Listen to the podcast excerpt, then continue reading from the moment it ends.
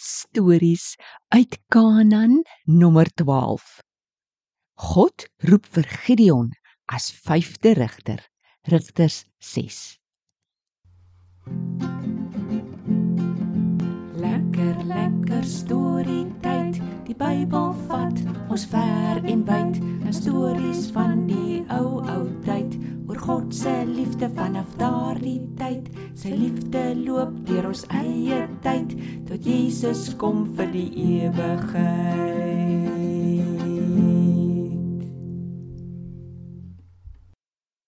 Ak wens, ak wens. Hallo Tobias. Wat wens jy so? Hallo julle almal. Tannie Karen.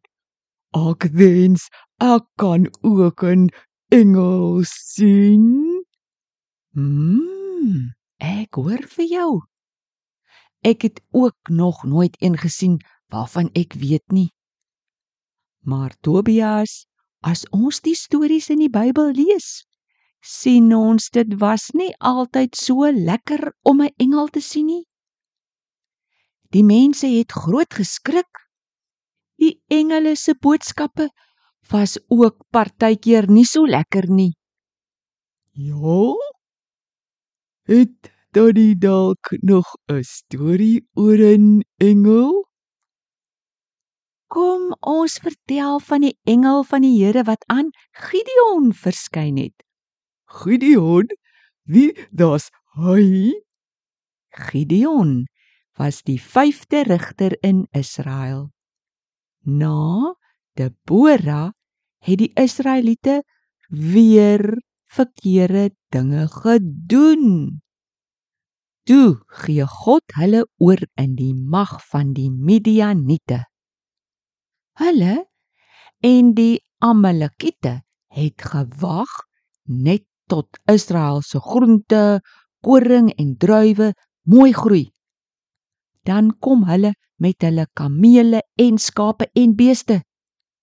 Dan vreet daai diere al die kos op die lande op. Die Midianiete het selfs al Israel se diere doodgemaak wat hulle gesien het. Dit was baie swaar tye. Vir 7 jaar lank het dit so gegaan. Die Israeliete het weggekruip langs waterstroompies en in grotte.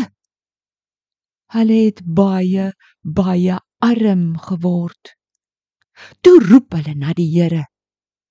Hy stuur toe 'n profeet wat hulle herinner dat God hulle uit Egipte laat trek het om hom te dien. En nou het hulle alweer die afgode begin dien.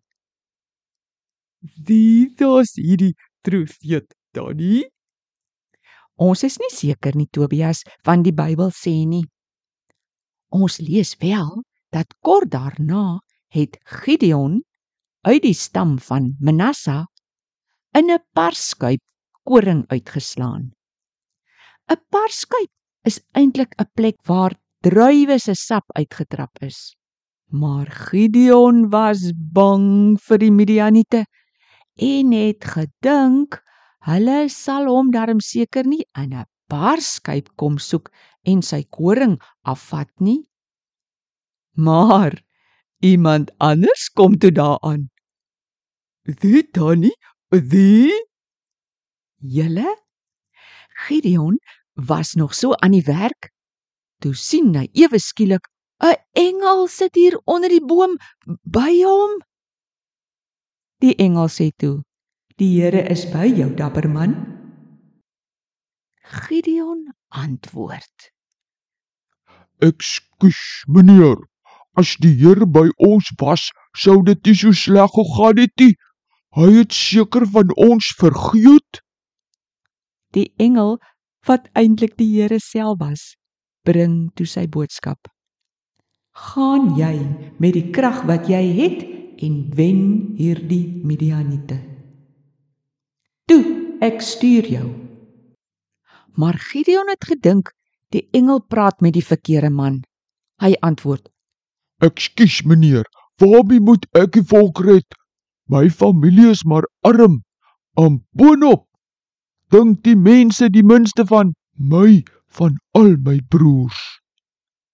Die engel het hom gerusgestel. Ek is by jou. Jy sal die Midianiete verslaan asof dit net een man is. Gideon het nou besef hy praat met iemand uit die hemel. Maar tog het hy gewonder of die boodskap regtig vir hom is. Hy vra toe die engel moet tog net daar bly sit. Hy wil 'n offer gaan haal. Hy soek 'n wonderteken om te weet dis regtig die Here wat vir hom hierdie werk gee. Die engel sê toe hy sal wag. Gideon hardloop toe en gaan maak 'n bokkie gaar, maak sous en bak 'n groot plat brood. Toe hy dit bring, vra die engel hy moet die kos daar op 'n klip neersit. Die engel raak toe met sy stok daaraan en daar skiet vuur uit die klip en verbrand die hele offer. En foeps, weg is die engel. Gideon is toe lam geskrik en roep uit: Ek gaan doodgaan want ek het die engel van die Here gesien. Maar die Here het gesê: "Hy moenie so ontsteld wees nie. Hy sal bly leef." Wat doen Gideon toe? Hy het dadelik 'n altaar gebou en dit genoem: "Die Here gee rus." Daai nag toe praat die Here weer met Gideon. Gideon, gaan breek jou pa se Baal altaar af. Kap ook die heilige paal langs aan af. Dan bou jy 'n netjiese altaar vir my op daai plek. Kap die paal se hout op en gebruik dit as brandhout. Vat dan jou pa se tweede bil, daai een wat 7 jaar oud is. Offer die bil vir my op die altaar. Maar Gideon was bang vir sy eie familie en vir die stad se mense. Toe staan hy sommer nog in die nag op en hy en 10 van sy slawe doen toe alles wat God gevra het. Die volgende oggend is die stad in rep en roer. Waar is, is Baal se altaar? Waar is die heilige Baal?